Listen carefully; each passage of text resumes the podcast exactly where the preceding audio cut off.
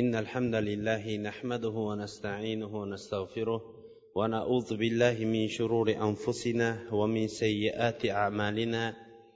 من يهده الله فلا مضل له ومن يضلل فلا هادي له. وأشهد أن لا إله إلا الله وحده لا شريك له. وأشهد أن محمدا عبده ورسوله. ثم أما بعد السلام عليكم ورحمة الله وبركاته.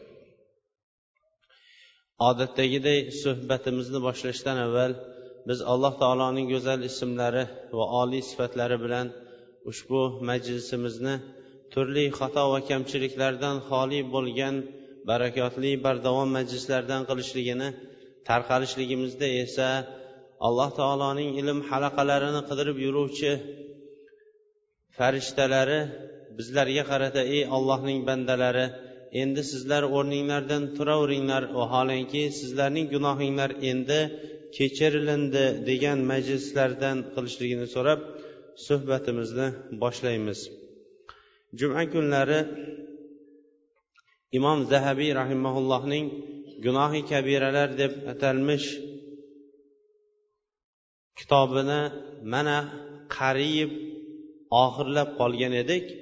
Tərtib 68-ci günahın kəbirə, məkr və hilə əldəv 69-cı günahı kəbirə müsəlmanlarga casuslik qilishlik gunohi kabiralar edi makr hiyla odamlarni aldashlik masalasida yuqorida to'xtaganligimiz uchun ham va josuslik qilishlik gunohi kabirasi uchun ham alohida avval to'xtaganligimiz uchun ham bu ikki masalaga to'xtamasdan yetmishinchi gunohi kabira sahobalar alloh ulardan rozi bo'lsin birontasini so'kishlik gunohi kabirasiga kelib to'xtagan.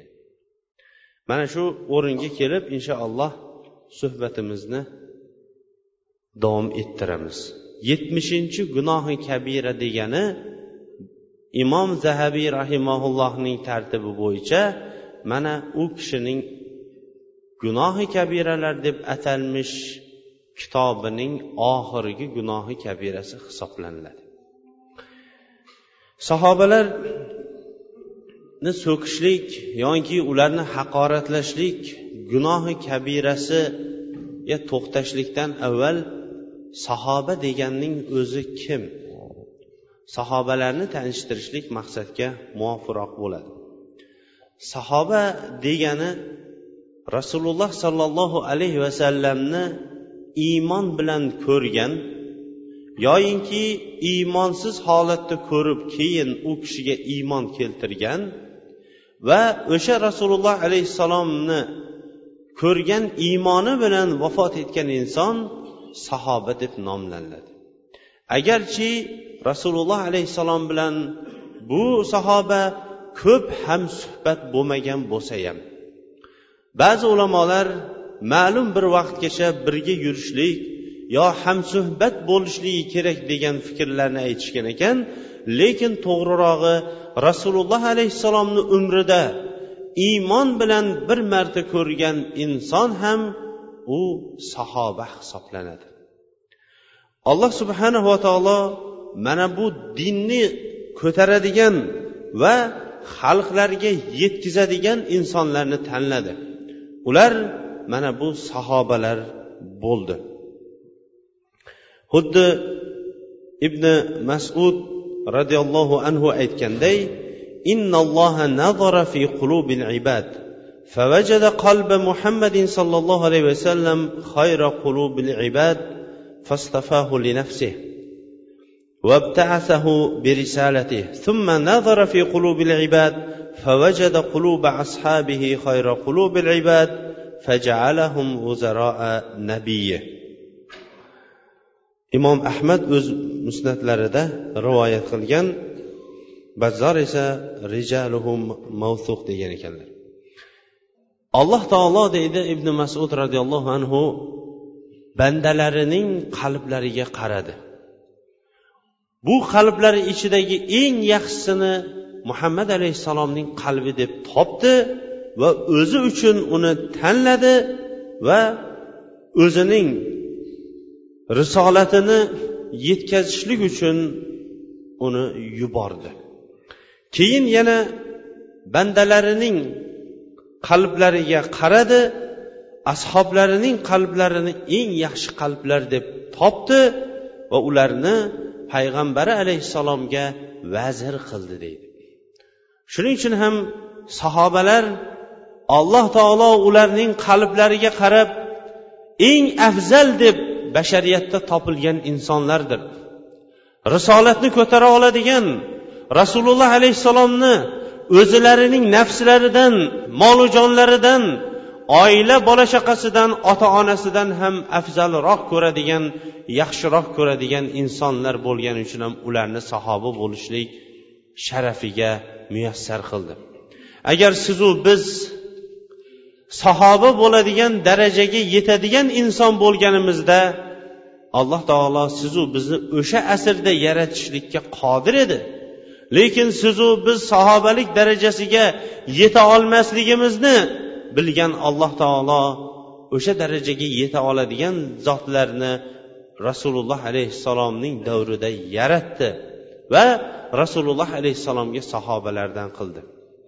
Bu ya'ni rasululloh alayhissalomni iymon bilan ko'rgan bir shu iymoni bilan vafot etgan agarchi yonlarida ozgina vaqt tursa ham u sahoba hisoblanadi. Tobiin degani sahobalarni iymon bilan ko'rgan va shu iymoni bilan vafot etgan inson tobiin hisoblanadi. Atba tobiinlar bo'lsa atba tobiinlar bo'lsa tobiinlarni iymon bilan ko'rgan va shu iymoni bilan vafot etgan insonlar atba tobiinlar hisoblanadi.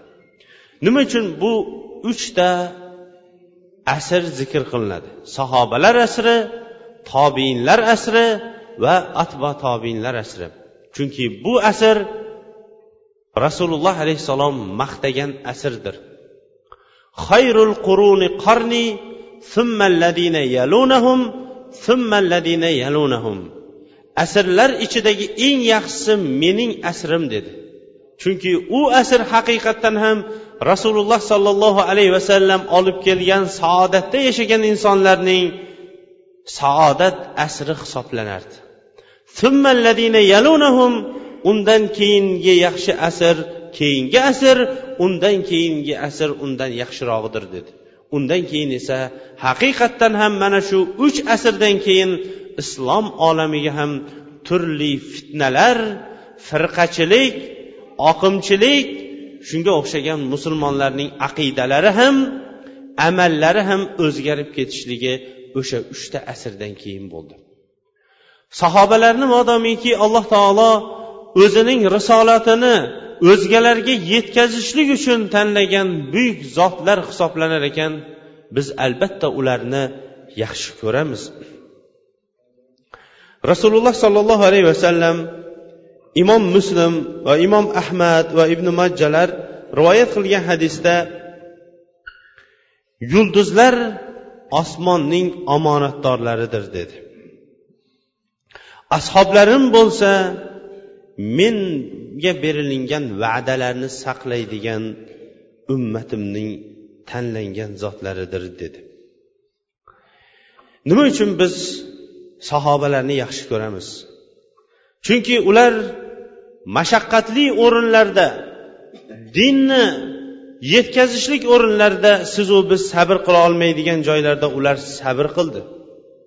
O'zilarining qo'llari yengil ustlari yupqa bo'lishligiga qaramasdan ular dinni ko'tarib kelishdi va dinni ko'tarib turishdi. Ular dinni tojini ko'rsata olgan insonlar darajasiga yetdi. Ularning savoblari ham bizlarning savoblarimizdan yuqori qilindi. Chunki ular qilgan vaqtdagi ibodat bilan bizni davrimizda qilingan ibodat o'rtasida katta farq bo'ldi.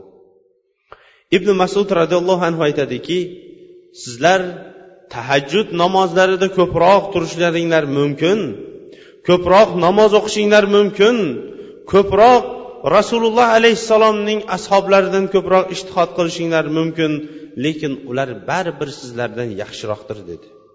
Shunda ey abu abdurahmon nima uchun biz shunchalik ulardan ko'p amal qilsak ham ular bizdan baribir yaxshi deganda chunki ular dunyodan zohidroq sizlardan ko'ra yuzini ko'proq burgan edi oxiratga ko'proq iqbol qilgan edi deydi. Nima uchun biz sahobalarni yaxshi ko'ramiz? Chunki ular rasululloh sollallohu alayhi vasallamning muqobilida dunyolarini taloq qilib oxiratga iqbol qilgan inson edi. Nima uchun biz sahobalarni yaxshi ko'ramiz? Chunki ular rasululloh sollallohu alayhi vasallamdan kelgan xabarlarga iymon keltirib rasululloh alayhissalomga to'lig'i bilan ergashib o'sha ergashgan eshitganlarini to'lig'icha ummatga yetkazgan insonlar edi. Nima uchun biz sahobalarni yaxshi ko'ramiz? Chunki ular rasululloh sollallohu alayhi vasallamni shunchalik qattiq yaxshi ko'rishgandilarki hattoinki rasululloh alayhissalomning himoyasida o'zlarining ko'kraklarini janglarda qalqon qilgan edi. Uhud jangi hammamizga ham ma'lum. Uhud jangidan mag'lubiyatdan keyin uhud jangida shahid bo'lgan sahobalarni topa boshladi. Ularning ba'zilari rasululloh sollallohu alayhi vasallamning himoya qilaman deb turib ko'kraklarini kelayotgan rasululloh alayhissalomga yog'dirilayotgan nayzalar oldida ko'kraklarini qalqon qilib saksondan ortiq nayzalarni o'zlarining ko'kraklari bilan to'sgan edi. Nima uchun sahobalarni yaxshi ko'ramiz? Ular din mashaqqatida o'zlarini o'zlarining farzandlari molu davlatlarini hammasini ham mana shu yo'lda fido qilgan edi. Rasululloh sollallohu alayhi vasallamga ilk bor vahiy tushayotgan vaqtda makka mushriklari rasululloh alayhissalomni qattiq aziyatga olishgan edi. Bir kuni kaba atrofida abu bakr roziyallohu anhu rasululloh alayhissalom va ba'zi bir nafar sahobalar ularning atrofida azobga tushib qolgan edi. Abu bakr roziyallohu anhuni ular shunchalik ravishda qattiq qiynashdilar. Badanida biron bir qon qolmagan o'rin qolmadiki hushidan ketganidan keyin uyiga olib borishdi.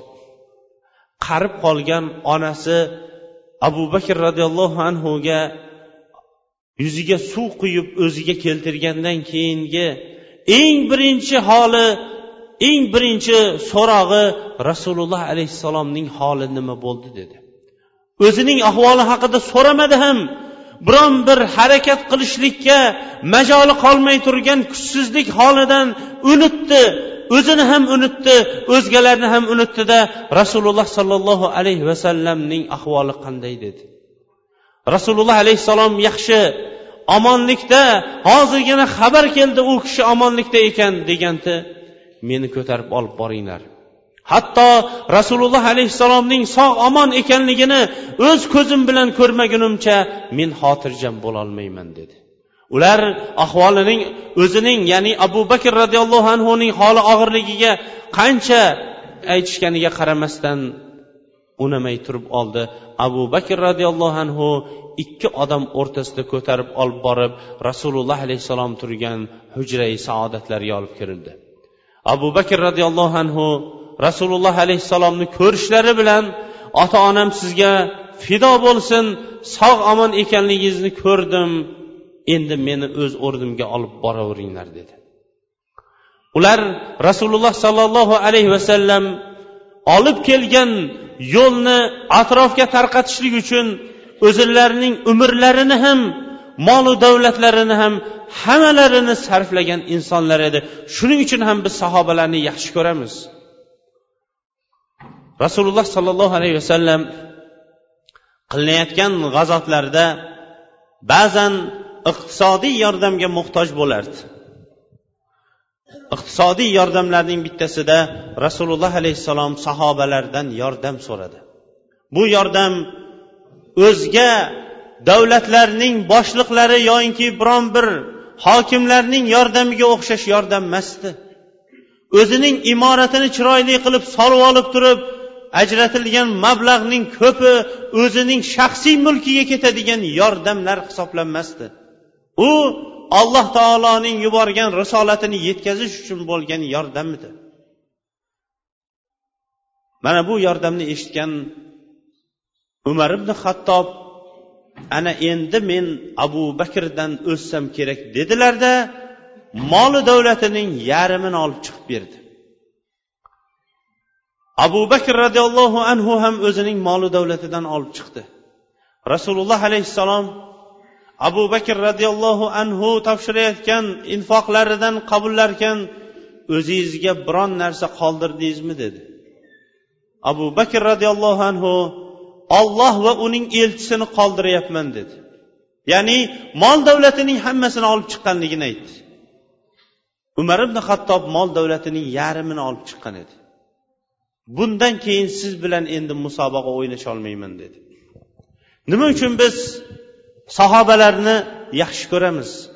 Chunki ular alloh taolo tomonidan yetti osmon ustidan maqtaningan zotlar edi أعوذ بالله من الشيطان الرجيم محمد رسول الله والذين معه أشداء على الكفار الرحماء بينهم تراهم ركعا سجدا يبتغون فضلا من الله ورضوانا سيماهم في وجوههم من أثر السجود muhammad sollallohu alayhi vasallam ollohning elchisidir deb ollohning o'zi guvohlik beryapti U zot bilan birga bo'lgan rasululloh alayhissalomning ashoblari kofirlarga nihoyatda qattiq qo'l ammo o'zaro bir birlariga rahm shafqatli ularni ruku qilgan sajda qilgan holatda ibodatda ko'rasiz. Ular shu bilan birga ollohning fazlini qidirgan holatda ko'rasiz. Ularning yuzlarida sajda belgilarini ham ko'rasiz deydi mana bu bilan alloh taolo ularni yetti osmon ustidan maqtadi balki islomga avval kirgan islomni qiyin vaziyatlarda islomni qabullab o'sha qiyinchiliklarga sherik bo'lganlarni maqtab turib auzu billahi minash shaytonir rojim والسابقون الأولون من المهاجرين والأنصار والذين اتبعوهم بإحسان رضي الله عنهم ورضوا عنه وأعد لهم جنات تجري تحتها الأنهار خالدين فيها أبدا ذلك الفوز العظيم muhojir va ansorlardan iborat bo'lgan islomning avvalida islomni qabul qilganlar ular alloh taolodan kelgan yaxshilikka ergashishadi dinga ergashishadi Olloh ulardan rozi bo'ldi deb turib yetti osmon ustidan ollohning rozi bo'lganligi haqida o'zi buni xabarini beryapti. U yetmaganday alloh taolo ularga taglaridan anhorlar oqib turadigan va abadiy u joyda qoladigan jannatlarni hozirlab qo'ydi. Bittagina jannat emas balki jannatlarni hozirlab qo'ydi va bu ular uchun berilingan katta mukofot hisoblanar edi. Alloh subhanava taolo bu dinni saqlanishligiga sabab bo'ladigan ansorlarni ham yaratdi. Sahobalar muhojir va ansor deb nomlanadi.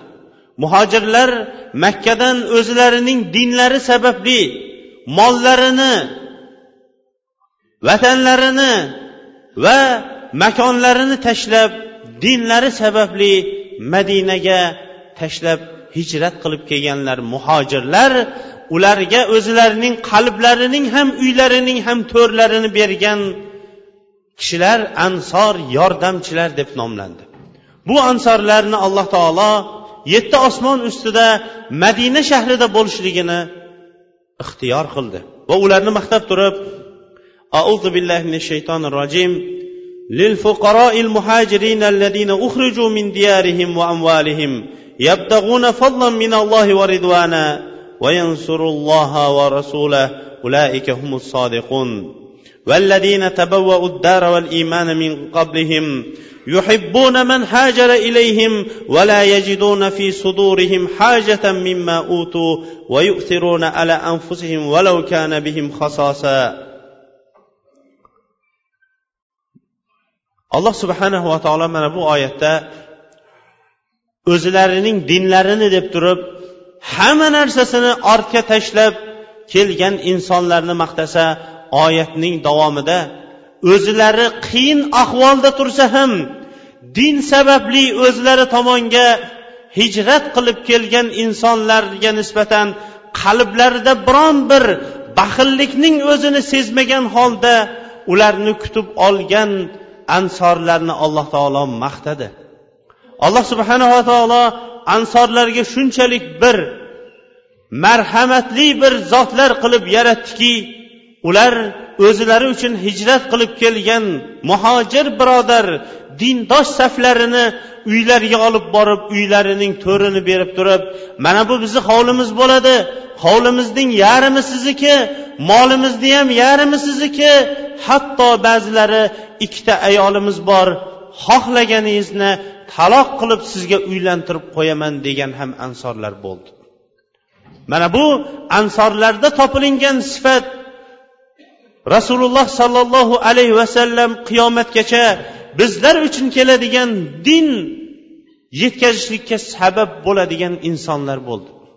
Shuning uchun ham ulamolar qiyomat kunigacha ansorlarning muhammad alayhissalomning ummatining ustida haqqi bordir.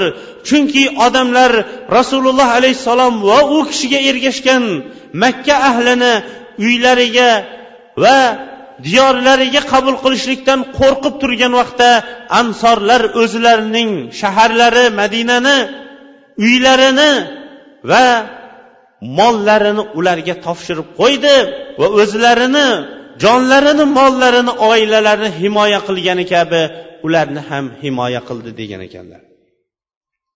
Nima uchun biz sahobalarni yaxshi ko'ramiz? Sahobalar alloh va rasulining muhabbatida hamma narsaning muhabbatidan oliy qilib qo'ydi. Usmon ibn affan roziyallohu anhu bu kishi islomni qabul qilgan vaqtida amakisi hakam ibn abil as ibn umayya bir joyga olib borib mahkam bog'lab qo'ydi. Keyin unga aytdiki ota bobongdan kelayotgan dinni tashlab mana bu yangi dinga kirib ketibsan. To sen bu yangi dinga kofir bo'lib yana ota bobongdan kelayotgan dinga ergashmaguningcha seni bu bog'lagan joyimdan yechib yubormayman dedi. Usmon roziyallohu anhu viqor shiddat va xotirjamlik bilan ollohga qasamki dinni hech ham qo'yib qo'ymayman dindan ajralmayman ham dedi. Amakilari hakam uning dindagi salobatini ko'rgandan keyin uni tark qildi. Ibn masud roziyallohu anhu aytadi islomda eng birinchi o'zining islomda ekanligini dinini izhor qilganlar yetti inson bo'ldi. Ularning birinchisi rasululloh sollallohu alayhi vasallam keyin esa abu bakr keyin esa ammor keyin esa uning onasi sumayya keyin esa suhayb keyin esa bilol va miqdad roziyallohu anhumlar edi. Ammo rasululloh sollallohu alayhi vasallamni quraysh aziyatlaridan amakisi abu tolib himoya qilib turardi. Abu bakr esa o'zining qavmi qarindoshlari ichida keng bir salobatga ega bo'lganligi uchun ham qavmi qurayshning aziyatlaridan abu bakrni himoya qilib turardi. Ammo qolganlarning beshtasining hammasini makka mushriklari ushlab olishib og'ir ahvollarga ayanchli holatlarga tushirardi. Ularga kunning issig'ida issiq va og'ir bo'lgan temirdan bo'lgan sovutlarni kiydirardi. Olib borib qizib turgan yalanglikda cho'lda ularni tashlab qo'yardi. Ularning hammalariga o'zilari talab qilgan narsani aytkizdirardi talablarini qoniqtirardi lekin bilolgina bu ishda mahkam sobit qadam turardi. Bilol o'zining habashiy bir qul bo'lishligiga qaramasdan iymonida mustahkam turib qavm esa uni xorlab oxiri makkaning go'daklarining qo'liga topshirdi. Ular bo'lsa makkada biron bir uni yetaklab olib kirmagan ko'cha qolmasdan qiynab uni olib yurardi. Lekin bilolning gapi bitta ahadul ahad. Olloh yolg'izdir olloh yolg'izdir sherigi yo'q degan shirkka bo'yin egmay turardi deydi. Habbob ibn arat roziyallohu anhu aytadiki men qul edim. Osibni vailda qarzim bor edi. Unga keldimda qarzimizni endi bermaysizmi dedim. U kishi yo'q ollohga qasamki kofir bo'lmagunizcha muhammadga qarzingizni bermayman dedi. Men aytdimki ollohga qasamki muhammad sollallohu alayhi vasallamga kofir ham bo'lmayman dedim. Shunda hatto qiyomat qoyim bo'lib turmaguncha bu narsani bizdan umid qilmang kufr bo'lmaydi bizdan dedi. Shunda u aytdiki agar senlar davo qilayotgan qiyomat bo'ladigan bo'lsa qiyomat bo'lganidan keyin senlar aytasan jannatga tushganlar molu davlat berilib ular boy badavlat bo'ladi. Shunda menga molu davlat farzand berilgan vaqtda qarzingni o'shanda olasan dedi. Alloh taolo uning gapiga qarshi oyat nozil qildi. auzu billahi minash shaytonir rojim أفرأيت الذي كفر بآياتنا وقال لأوتين مالا وولدا اطلع الغيب أم اتخذ عند الرحمن غيبا bizni oyatlarimizga kofir bo'lgan insonlarni bir ko'rmaysizmi ular menga tez kunda moli davlat va farzandlar beriladi deb aytmoqda ular g'aybni bildilarmi Yoinki alloh taolo huzuridan biron bir ahdu paymon olgan odamlarmi deb turib alloh taolo uning gapini inkor qildi. Ular o'zlarining dinda bo'lganligi sababli o'zlarining qarzni olishlikdan ham mahrum bo'lishdi. Nima uchun biz sahobalarni yaxshi ko'ramiz? Said ibn jubay rahimaulloh aytadiki abdulloh ibn abbosga aytdim mushriklar shunchalik dinni tark qilishlikda qattiq sizlarni azoblarmidi desam u kishi aytdiki ha allohga qasamki shunchalik bizni qattiq urishar edi keyin esa och chanqoq holatda qo'yishar edi hatto birontamiz shunchalik og'ir ahvolda qolganimizdan orqa tomonimiz bilan o'tirolmay qoladigan holimiz ham bo'lardi deydi. Keyin esa shunday chanqoq och holatda turganimizda ozgina nonni olib kelib qo'yib oldimizga ular o'sha davrda ibodat qilgan lat va uzza degan ilohlarni aytib lot va uzza deysanmi? deb turib agar shunday desang mana senga suv mana senga non deb shuni ko'rsatishardi deydi. Bizlar uchun dinni olib kelishlikka sabab bo'lgan buyuk sahobalarni hurmat qilishlik va ular bilan odob saqlashlik dinimizdan hisoblanadi. Shuning uchun ham sahobalar bilan bo'ladigan odoblarning eng birinchisi ularni hurmatlashlik va e'zozlashlik hisoblanadi. Imom tahoviy rahimaulloh aytadiki biz rasululloh sollallohu alayhi vasallamning ashoblarini yaxshi ko'ramiz. Ashoblarning hammasini ham birday yaxshi ko'ramiz. Bittasini yaxshi ko'rib ikkinchisini yomon ko'rish bo'lmaydi. Havorijlar va shiyalarga o'xshab qolinmaydi mana bu o'rinda ahli sunna val jamoatning bu bobdagi e'tiqodi. Havorijlar agarchi ali roziyallohu anhuni yomon ko'rsalar shiyalarning hammasi ali roziyallohu anhu va u kishining oilasini shunchalik muhabbat yaxshi ko'rishlikda qattiq chuqur ketib ali roziyallohu anhuni payg'ambar ba'zilari esa iloh degan darajaga yetishdi. Muaviya roziyallohu anhuni esa ular uning aksi qilib yomon ko'rishdi. Shunga o'xshash adashgan toifalarga o'xshash ahli sunna sahobalarning ba'zilarini yaxshi ko'rib ba'zilarini yaxshi ko'rmaydi emas hammalarini birdayiga yaxshi ko'radi. Imomi tahoviy hammamizga ham ma'lum bo'lgan hanafiy mazhabidagi buyuk bir olimlardan hisoblanadi. U kishi o'zining e'tiqod ahli sunna va jamoatning e'tiqodini bayon qilayotganda rasululloh alayhissalomning ashoblarining hammalarini yaxshi ko'ramiz. Ularning ba'zisini yaxshi ko'rib ba'zilarini yomon ko'rish degan masala bizda yo'qdir.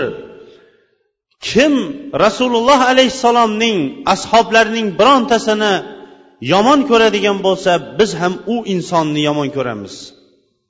Kim yaxshi ko'radigan bo'lsa u insonni yaxshi ko'ramiz. Rasululloh alayhissalomning ashoblarining hammasini yaxshilik bilan zikr qilamiz. Ularni yaxshi ko'rishlik din iymon ehsondir. Ammo sahobalarni yomon ko'rishlik esa kufr nifoq va tug'yondir deydi. Abu zura rahimaulloh aytadiki agar rasululloh sollallohu alayhi vasallamning sahobalarining birontasi haqida yomon gapirayotgan biron bir insonni ko'rib qoladigan bo'lsangiz bilingki bu odam zindiqdir. Chunki sahobalar alloh taolo yuborgan dinni haq olib kelgan dinni ko'targan qur'onni ko'targan keyin esa bizlarga yetkazgan insonlar ular sahobalardir. Ammo zindiqlar sahobalarni yomon ko'rishadi ularni ayb bo'lmagan o'rinlarini aybli qilib ko'rsatishadi. Ular haqida alloh taolo mana bunday deydi deb turib bu oyatni o'qigan ekan. Auzu billahi minash shaytonir rojim. Yuriduna نور nurallohi بأفواههم والله mutimmu نوره ولو كره kafirun. Ular ollohning nurini og'izlari bilan o'chirgisi keladi. Vaholanki olloh nurini dinini tamomiga yetkazishlikni xohlaydi agarchi kofirlar buni xohlamasa ham.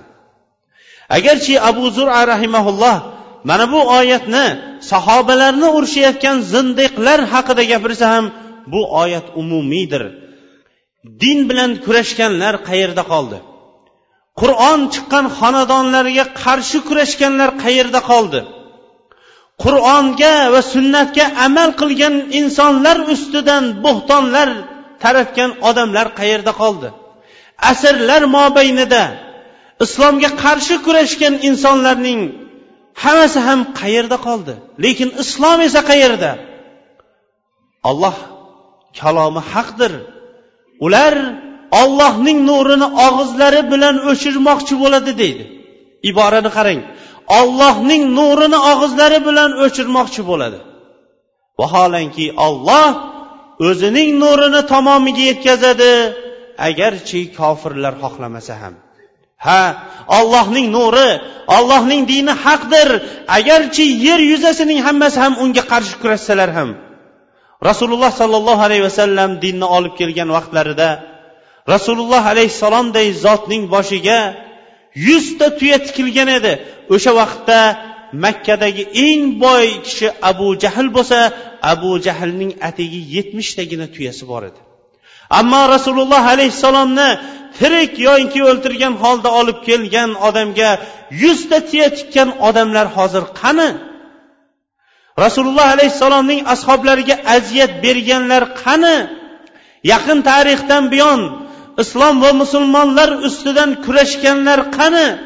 Lekin islomchi islom vallohu mutimmu nurihi valau karihal kafirun olloh nurini tamomiga yetkazuvchidir. Agarchi kofirlar buni yoqtirmasalar ham. Rasululloh sollallohu alayhi vasallam ashoblari bilan bo'ladigan odoblarning bittasi ularning birontasini haqoratlamaslik so'kmaslik olloh o'zi asrasin sahobalarni so'kishlik degan u dinni so'kishlik degandir shuning uchun ham bu katta gunoh hisoblanadi rasululloh sollallohu alayhi vasallam abu said hudriy roziyallohu anhu rivoyat qilgan hadisda la tasubbu ashabi فلو أن أحدا أنفق مثل أحد ذهبا ما بلغ مد أحدهم ولا نصيفه imom buxoriy muslim termiziy imom ahmad va boshqa muhaddislar rivoyat qilgan. Shah albani rahimaulloh ham buni silsilada olib kelgan ekanlar. Ashoblarimning birontasini so'kmanglar dedi. Agar sizlarning birontangiz uhud tog'ichalik oltinni infoq qilsalar ham ularning qilgan bir hovuch infoqiga yetmaydi yarim hovuchiga ham yetmaydi dedi. Rasululloh sollallohu alayhi vasallam ashoblarini so'kishlikdan nihoyatda qattiq qaytardilar. Ashoblari ichida biron bir ashoblarining avvallarida biron musulmon bo'lib keyin kelganlari o'sha avval musulmon bo'lganlari ustidan shikoyat qilganlarida ham ranglari o'zgarib ketardi. Aytardilarki odamlar meni yolg'on sanab turganda ular meni tasdiqladi. Odamlar menga kofir bo'lib turgan vaqtda ular menga iymon keltirdi derdi.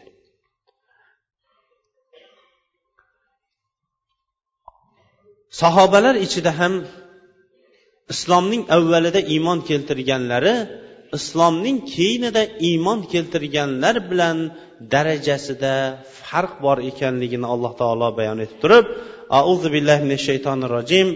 لا يستوي منكم من أنفق من قبل الفتح وقاتل أولئك أعظم درجة من الذين أنفقوا من بعد وقاتلوا sizlarning ichingizda deb turib alloh taolo sahobalarga xitob qilyapti makka fathidan avval infoq qilgan va makka fathidan avval olloh yo'lida muqotala qilganlarning darajalari makka fathidan keyin infoq qilgan va undan keyin muqotala qilganlar bilan darajalari barobar bo'lmaydi deydi. Shuning uchun ham islomning avvalida mashaqqat qiyinchilik davrlarida rasululloh alayhissalomga iymon keltirgan va dinlarda qolgan insonlar hatto ularning darajalari keyingilarning darajalari ham ularning darajalarida bo'la olmas ekan. Rasululloh sollallohu alayhi vasallamning ashoblarini so'kkan odam kim bo'ladi? Bu haqida ulamolarimiz turlicha fikrlarni bildirgan ekan. Hammamiz ham taniydigan muhammad ibn yusuf rahimaulloh abu bakrni so'kayotgan odam haqida nima deysiz desa u kishi kofir bo'ladi degan ekan. Abu bakrni so'kayotgan odam kofir bo'lsa o'lib qolsa janoza o'qiymizmi desa yo'q degan ekan. Ha u la ilaha illalloh deb turibdiyu unda nima qilamiz desa jasadini qo'linglar bilan ham ushlab o'tirmanglarda bir yog'och bilan uni sudrab olib borib bir chuqurlikka tashlab yuboringlar degan ekanlar qozi abu yala aytgan ekanki rasululloh sollallohu alayhi vasallamning ashoblarining birontasini so'kib haromni halol halolni harom deb turgan odamlar bo'lsa ular dindan chiqib ketadi degan ekanlar. Sahobalar bilan bo'ladigan odoblarning yana bittasi sahobalar o'rtasida kelishmay qolgan masalalar bo'lsa unga chuqur ketmaslik. Va uni tushunib yetgan insonlardangina so'rashlik sahobalar bilan bo'lgan odob hisoblanadi. Rasululloh sollallohu alayhi vasallam إذا ذكر أصحابي فأمسكوا وإذا ذكر النجوم فأمسكوا وإذا ذكر القدر فأمسكوا dedilar agar sahobalarim haqida gap ketadigan bo'lsa sizlar sukut saqlab turinglar dedi falonchi bunaqa qilgan falon sahoba keyin bunaqa qilgan unga falon sahoba bunaqa qilgan degan gaplar fitnali gaplarga aralashib qolmanglar dedi agar yulduzlar haqida gap ketadigan bo'lsa ham unda ham jim turinglar dedi Yulduzlar degani hozir mana o'n besh asr aytgan rasululloh alayhissalom o'zining mo'jizasini mana ko'rsatib berdi. Hozirgi kunda mana bashoratchilar hamma uyimizda olib turgan jurnal gazetalarni to'ldirib yubordi. Falon yulduz chiqqan kuni tug'ilgan odam falon kuni baxtli bo'ladi falon kuni baxtsiz bo'ladi falon kuni uylanadi falon kuni taloq qo'yadi falon kuni va hokazo mana bu shuning uchun ham rasululloh alayhissalom yulduzlar haqida gap ketganda sizlar jim turinglar dedi. Taqdir haqida gap ketganda ham sizlar jim turinglar dedi. Taqdir haqida odamlarning talashib ha shu ham taqdirdanda ha bu ham taqdirdanda ha bu ham taqdirdanda deb turib hamma narsani taqdirni ro'kach qilaveradigan yoki endi shu ham taqdirdanmi deb turib taqdirga chuqur ketadigan odamlar oldida sizlar jim turinglar dedi. Sahobalar bilan bo'ladigan odoblarning bittasi sahobalar zikr qilingan vaqtda roziyallohu anhum deyishlik. Bu yer kurasida faqatgina sahobalarga berilingan manqaba fazilat hisoblanadi. Sahobalar zikr qilingan vaqtda ularni roziyallohu anhum deyishlik. Rasululloh sollallohu alayhi vasallam ularni maqtab turib xayrul quruni qarni summalladina yalunahum summalladina yalunahum. Asrlar ichidagi eng yaxshi asr mening asrim dedi. Chunki u asr sahobalarning asri va saodat asri hisoblanadi. Keyin esa undan keyin esa tobiinlar asri undan keyin esa atba tobiinlar asridir dedi. Rasululloh sollallohu alayhi vasallam ansorlarning haqlariga ham duo qildi. Allohumma lil ansor va li abnail ansor va abnai abnail ansor. Ey olloh ansorlarni o'zing mag'firat qil ansorlarning farzandlarini mag'firat qil ansorlarning nevaralarini ham mag'firat qil dedi. Shunchalik darajada ansorlar buyuk darajaga yetgan insonlardan hisoblanadi. Rasululloh sollallohu alayhi vasallamning ashoblariga qarshi kurashganlar sahobalarga qattiq gapirganlar tarixdan mazammatlanib keldi va mazammatlanib kelmoqda. Hammamizga ham ma'lum bo'lgan hajjoj hajjoj degan rasululloh alayhissalom uning chiqishlik xabarini bergan. Aytganki sizlardan bir qon to'kar inson chiqadi degan. Bu hajjoj bo'lishlikka sabab bo'ldi. Nihoyatda qon to'kar va fe'li qattiq bo'lgan inson bo'ldi. Hajjoj shunchalik ravishda qattiq qo'l qon to'kishlikni yaxshi ko'radigan inson bo'lib anas ibn molikni bir kuni o'zi hokim bo'lib turgan viloyatda anas ibn molikni o'zining huzuriga chaqirdi. Anas ibn molik uning oldiga kirganda ha unays dedi. Unays degani kichkina anas degani ya'ni uni kamsitibroq gapirdi. Bir kun alining oldida o'tirding bir kun abdulloh ibn zubayrning oldida o'tirding bir kun ibn ashasning oldida o'tirding a dedi. Ya'ni avval bo'lgan sahoba va tobiinlardan bo'lgan hokimlarni aytyapti. Hammaning oldida o'tirib kelyapsana dedi. Topgan aybi mana shu bo'ldi. Allohga qasamki qo'yning terisini shilganga o'xshash sening ham teringni shilaman dedi. Anas roziyallohu anhu i amirul mo'minin alloh taolo sizni o'zi isloh qilsin degandi. Ehtiyot bo'l qoningni ham hali so'raman dedi. Anas roziyallohu anhu inna lillahi va inna ilayhi rojiun. Musibat duosini qildi. Barchamiz ollohnikidirmiz va barchamiz allohga qaytguvchimiz agar bu xonadonda yosh bolalar bo'lmaganda men o'zim sizga ko'rsatadiganimni ko'rsatardim. Qo'lingizdan kelganini qiling dedida burilib ketdi. Achchig'i chiqdida mo'minlarning amiri bo'lib turgan abdulmalik ibn marvonga xat yozdi. Xatida aytdiki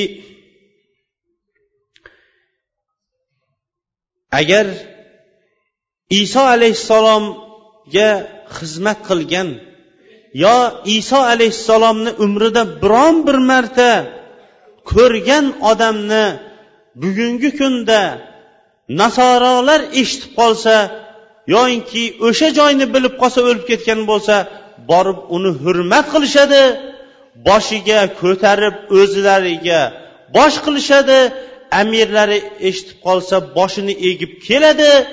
Agar shu xizmat qilgan insonning qabri bo'ladigan bo'lsa ular borib o'sha yerga o'zining ibodatxonasini qurishadi. Agar yahudlar muso yoyinki uzayrga xizmat qilgan yo uni biron bir marta ko'rgan odamni ko'radigan bo'lsa yo eshitib qoladigan bo'lsa yer yuzasining hammasidan unga ko'chib kelishadi uni hurmat qilishadi boshini egib turishadi amirlari o'zlariga boshiga olib chiqadi. Men rasululloh alayhissalomni xizmatida turdim sahoba darajasida yurdim ko'rdim u kishi bilan birga yedim kirdim chiqdim dushmanlarga qarshi kurashdim lekin sizni qo'l ostingizda turgan mana bu hokimingiz hajjoj dedi. Menga bunaqa muomala qildi dedi. Xat abdul malik ibn marvonning oldiga yetib keldi. Xat kelgan vaqtida bo'lgan odamning bittasi rivoyat qiladi. Xat kelgandan keyin xatni o'qidida abdul malik ibn marvon qattiq yig'ladi. Keyin esa xat yozdi. Xat yozdida anas ibn molikdan uzr so'radi va bitta xatni hajjojga yubordi.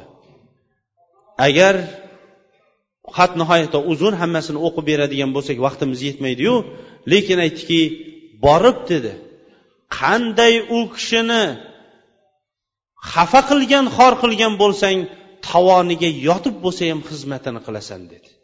Yo xizmatini qilib roziligini olasan yoyinki o'ylamagan joyingdan hamma joyingdan tig' bilan nayza holatda o'zing qatl qilinasan dedi. Xat olib kelingan vaqtda xatni o'qigan hajjoj o'rnidan o'tirib qoldi. Bir xatga bir xatni olib kelgan odamga qarab turardi deydi. Rasululloh sollallohu alayhi vasallamning ashoblarini yaxshi ko'ramiz. Chunki yaxshi ko'rishlik bu bizning iymonimizdan. Yomon ko'rishlik esa insonni nifoq kufr yo zindiqlikka olib borib qo'yadigan gunohi kabira hisoblanadi. Alloh taolodan so'raymizki biz sahobalarday buyuk amallarni qilolmadik. Lekin ularni yaxshi ko'rishligimiz bilan jannatda ular bilan birga qilishligini so'raymiz. Rasululloh sollallohu alayhi vasallamning huzuriga bir arobiy kishi keldi va aytdiki ya rasululloh qiyomat qachon? dedi. Rasululloh alayhissalom qiyomatga nima tayyorlab qo'ydingiz? dedi. Bu kishi aytdiki mening ko'p ibodatim yo'q lekin olloh va uning elchisining muhabbatini tayyorlab qo'ydim dedi. Rasululloh alayhissalom kishi kimni yaxshi ko'rsa qiyomatda shular bilan birga turadi dedi. Ey robbim sening go'zal ismlaring va oliy sifatlaringni guvoh qilib o'zingni aytamizki biz seni rasulingni va rasululloh alayhissalomning atrofidagi ashoblarini yaxshi ko'ramiz. Bizlarni ularni yaxshi ko'radigan va qiyomatda ular bilan birga qo'porilib ular bilan birga turadigan va ular bilan jannatda birga kiradigan bandalaring qatorida qil. Biz ularday katta amallarni qilolmadik ularday dinning malomati kelgan vaqtida malomatdan qochgan vaqtimiz bo'ldi. Rasululloh alayhissalomni sunnatlarini ular agarchi u kishini tiriklik vaqtida qalblarini ko'kraklarini qalqon qilib jonlariyu mollarini fido qilib o'zilari qalqon bo'lib turgan bo'lsa biz u kishi olib kelgan sunnatlarini yo'llarini unchalik himoya qilolmasak ham lekin u kishini yaxshi ko'rishligimiz ashoblarini yaxshi ko'rishligimiz bilan qiyomatda ham bizlarni ular bilan birga turgizishingni so'raymiz. Mana shu bilan imom zahabiy rahimaullohning yetmishinchi gunohi kabirasini tamomiga yetkazdik. Alloh taologa beadad hamdu sanolar bo'lsin. Mana yetmishta gunohi kabiraning qariyb hammasini bayon qilishlikka harakat qildik. Bu kitobda albatta kitobning haqqini biz ado etolmaymiz. Imom zahabiydek buyuk zotning kitobini haqqini ado qilolmaymiz. Imom zahabiyni alloh taolo shuncha mana ilmi foydalanib turibdi. Qabrlarini shu ilmlari bilan munavvar aylagan bo'lsin. Shu gunoh kabiralar ichida haqqi ado qilinmagan bitta mavzu bor edi. U ham bo'lsa zino gunohi kabirasi inshaalloh kelgusi haftada. Zino gunoh kabirasiga to'xtaganimizdan keyin bu kitob mavzusini boshqa mavzu bilan inshaalloh almashtiramiz. Ho'p savollar nihoyatda ko'p ekan. Ko'pchilik duo so'rashyapti. Haqiqatdan ham ko'pchilik kelib shu ichimizda shunday odamlar bor ekanligiga odam quvonadi. Duo qilgandan keyin ko'pchilik yaxshi bo'lib ishlari rivojlanib ketganligini kelib xursand bo'lib aytishyapti. Allohga hamdlar bo'lsinki ichimizda shunday insonlar bor ekan. Kecha yana shunga o'xshagan bir voqeani eshitib haliyam alloh taoloning rahmati kengki yer yutib ketmayapti dedik. Shunaqangi jamiyatimizda gunoh kabiralar bor ekan bu aytayotgan bola ko'zida yoshini yashirib aytyapti ya'ni o'zining kuyovi bo'lib turib o'zgalar bilan bo'layotgan ayollar masalasini aytyapti.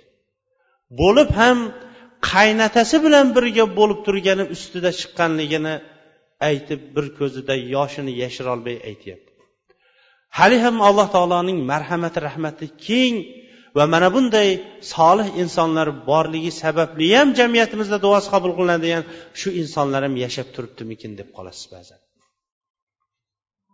Tobut ustiga qopqoq qo'ygan yaxshimi yoki yog'ochni to'g'a qilib ustiga mato qo'ygan yaxshimi? Tobutning ustiga qaysi biri shu jasadni ko'rsatmayroq turadigan bo'lsa o'sha yaxshiroqdir. O'rtalikda markazda deydi bizni otamiz ba'zilari amakilarimiz dodalarimiz shaxmat narda o'ynaydi. Ichida namoz o'qiydiganlar ham bor. O'qimay qo'ydi ko'pchiligi shularga ham bir duo qilib qo'ysangiz deydi. Bu rasululloh alayhissalom kim narda o'ynasa go'yoinki qo'lini to'ng'izning yog'iga go'shtiga qo'lini tiqyapti degan. Narda o'ynashlik katta gunoh. Uning ustiga shu yerda bizni ham ko'zimiz tushib qoladi. Ba'zi bir yoshi keksa kattalarning vaqtni bekor o'tkazishligi. Vaqt bu o'zi g'animat bo'lsa uni ibodatda zikrda o'tkazishni o'rniga behuda bekorga o'tkazishlik bu shariatimizda albatta to'g'ri kelmaydi. Juma kuni jumadan oldin qabristonga kirib qur'on tilovat qilsak uning ziyoni yo'qmi? Qur'on tilovatini uyda qilib ularning haqqiga uyda duo qilib qo'ysangiz shu o'zi afzalroq chunki payg'ambar alayhissalom la tattahidu qabri idan qabrimni ma'lum kunlarda ziyorat qiladigan ma'lum soatlarda ziyorat qiladigan o'rin qilib olmanglar degan. Shuning uchun ham juma yo payshanba kuni xoslab turib qabristonga borib bo'lmaydi xohlagan vaqtida borsin va haqqiga duo qilsin. Qo'shnilar va jo'ralarim haqqiga duo qilsangiz. Ho'p duo talab qilganlar nihoyatda ko'p bo'libdi ho'p bu yerda alloh rozi bo'lsin bir akamiz yaxshi savol beribdilar. Yigirma beshinchi may bitiruv kuni bo'lib o'tadi. Unda musiqa bilan tantanali ravishda o'tadi. Ana shu kun biz musulmonlar uchun ana shu kunga qatnashish mumkinmi? Ya'ni chiqish mumkinmi? Yana bir savol hozirgi kunda o'qishga boraman harakat qilaman deb qo'shimcha darsga bormoqda va o'sha paytda o'zidayoq namozlarini qoldirib qazo qilmoqda. Ushbu namozlar ya'ni qazo bo'lgan namozlar qachon va qanday o'qish mumkin? Ho'p avvalambor bunaqa yig'ilishlarni hamma o'zi inkor qiladi tabiatan. Shariatimizning o'zi ham inkor qiladi chunki bu yerda qizlar bilan o'g'il nomahramlarning jamlanishligi musiqa o'yin kulgu hammasi bo'lganligi uchun ham bu shariatimizda mutlaq qoralangan ishdir. Hatto mana shu yerda mana maktab o'quvchilari ham maktab o'qituvchilarining o'zilari ham shu yerda turibdi. Bu narsaga ular qarshi aslida. Va bu narsani qilib berayotgan ota onalardan ham biz iltimos qilgan bo'lardiki bu narsalarning o'zi cheki qo'yiladigan bo'ldi. Bundan avvalgi yilmi undan avvalgi yil anartay aka alloh rozi bo'lsin bu bobda nihoyatda bir chiroyli yaxshi to'xtagan. Men o'ylagandim bu yerda din valentina haqida gapirmoqchimikin deb turib. Din valentina ya'ni xatda shunaqa deb kelibdimikin deb turib. Ko'p joyda hozir reklamalari ketyapti deydi bizni qishlog'imiz omon bo'lgan bilan bizni qishlog'imiz omon qo'shni qishloqlar qo'shni shaharlarda bor ekan endi u haqida gapirmasak ham bo'laveradi deyish u musulmon kishining odatidan emas. Qo'shnida bo'lib turgan munkar ishni bugun uyda aytmaydigan bo'lsak ertaga o'zimiz uyimizdan shu narsani topyapmiz. Shuning uchun ham din valentina kunini nishonlash yo o'sha kunini ta'minlashning o'zi eng katta dayuslik eng katta kufr bayrami hisoblanadi bu narsa. O'sha kuni qancha qancha nomuslar toptaladigan allohning g'ayrati keladigan zino o'rinlari qilinadigan bu ibohiya odamlarni xuddi o'rmon hayotiday kuchi kelgan odam xohlagani bilan qo'shilib ketadigan yo o'zi xohlagan bilan qo'shilib ketadigan ibohiya o'rmon hayoti hisoblanadi. Shariatimiz buni mutlaq harom qilgan. Agar xonadonlarimizda yo maktablarimizda shu yerda ustozlarimizdan bir iltimos qilgan bo'lardik. Shuning shabadasi bo'lib qoladigan bo'lsak o'rnini olmaydigan bo'lsak qo'shni qishlog'imiz nomini aytmay qo'ya qolaylik. O'shanga o'xshash oldini ololmay qolgan hisoblanamiz u haqida dindorlarimiz o'zlarining maqolalarini chiqarib atrofga u haqida ancha oldini olishlik haqidagi va'zlarini aytishyapti. Lekin bu shariatimizda harom qilingan ko'pchilik duo so'rashibdi bu yerda juma namoziga kelayotgan opa singillarimiz ham bor ekan. Inshaalloh ular xonalari haqida gapirishgan ekan. Xonalar ularniki albatta hozir uncha talabga javob bermaydi. Alloh nasib etsa sizlar ozroq sabr qilib shu yerda qo'ldan kelgancha e, qatnashib jumaga qatnashib turaveringlar. Inshaalloh mana bu yangi masjid va madrasamiz bitganidan keyin sizlarga ayvonimizni ochib beramiz. Ungacha mana shu sovuq bo'layotganini aytishgan ekan. Shu sovuqqa ozroq sabr qilib turishinglarni so'ranardik ma'lum yaqin kunlarda inshaalloh madrasa masjidimiz bitgandan keyin sizlarga yuqori tomonini inshaalloh ayvonni ajratib beramiz. Ko'pchilik duo so'ragan ekanlar duo qilaylik. amin alhamdulillah vassalotu vassalamu ala rasulilloh اللهم تقبل منا انك انت السميع العليم وتب علينا انك انت التواب الرحيم ey robbim sening go'zal ismlaring va oliy sifatlaring bilan so'raymiz bizlarning qilayotgan toat ibodatlarimizni o'z dargohingda qabul qil O'tgan juma bilan bu juma o'rtasida bilib bilmay qilgan xato kamchiligimiz gunohlarimizni o'zing mag'firat qil. Ey robbim kelgusi jumaga ham o'zingning toatingda borishlikka o'zing nasib qilgaysan. Ey robbim bemorlarimizning mana onalarini so'rabdi akalarini ba'zilari farzandlarini hamma hamma bemorlarimizga o'zing shifo ato etgaysan. Ularning chekayotgan zahmatlari mashaqqatlarini yengil qilgaysan. Dardlaridan tezroq sog'ayib ketishlikka o'zing tavfiq bergaysan va chekayotgan zahmatlarini o'tgan gunohlari xatolari uchun kafforat qilgaysan. Safardagilarni iymon va amali solih bilan qaytishlikka o'zing nasib etgaysan xonadonlardagi tinchlik xotirjamlikni o'rnashtirib xonadonlikdagi notinchliklarni ko'tarib yuborgaysan. Kasbkorlarimizning kasblariga barakot ato etgaysan dunyo qidirayotganlarga qalblarida emas qo'llarida turadigan barakotli dunyolarni bergaysan.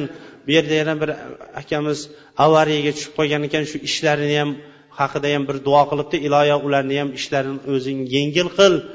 Shu mashaqqatlarini yengil qil talofotining o'rnini o'zing to'ldirib yuborgaysan. Ey robbim mana bu yilimizni barakotli xayrli yillardan qil. Yog'magan qorning o'rnini barakotli yomg'irlar bilan o'zing to'ldirgaysan. Bahorimizni dehqonlarimiz va hammamiz uchun ham ofiyatli barakotli yaxshi bahorlardan qilgaysan. Osmondan yog'dirib yerdan barakotlarni undirgaysan. Osmondagi rizq eshiklarini bizlar uchun ochib yuborgaysan. Ey robbim hammamizni ham biz atagan atamagan niyatlarimizni o'zing dargohingda qabul qilgaysan. Masjidimizni o'zimiz o'ylagandan ham ortiqroq bo'lib tamomiga yetkazishlikka o'zing tavfiq bergaysan. Masjidimizni obod qilishlikka harakat qilayotgan infoq qilayotgan aka ukalarimizning molu davlatlarini o'zlari o'ylagandan ham ortiqroq qilib ko'paytirgaysan ularning dunyo va oxiratdagi uylarini o'zing obod qilgaysan masjidimizda ham shu tamomiga yetkazishlikka o'zing madad bergaysan. Robbana atina fid dunya hasana va fil oxirat hasana va qina azabannar va sallallohu taala xalqi muhammad va ala alihi sahbi ajmain. Bi rahmatika arhamar rohimin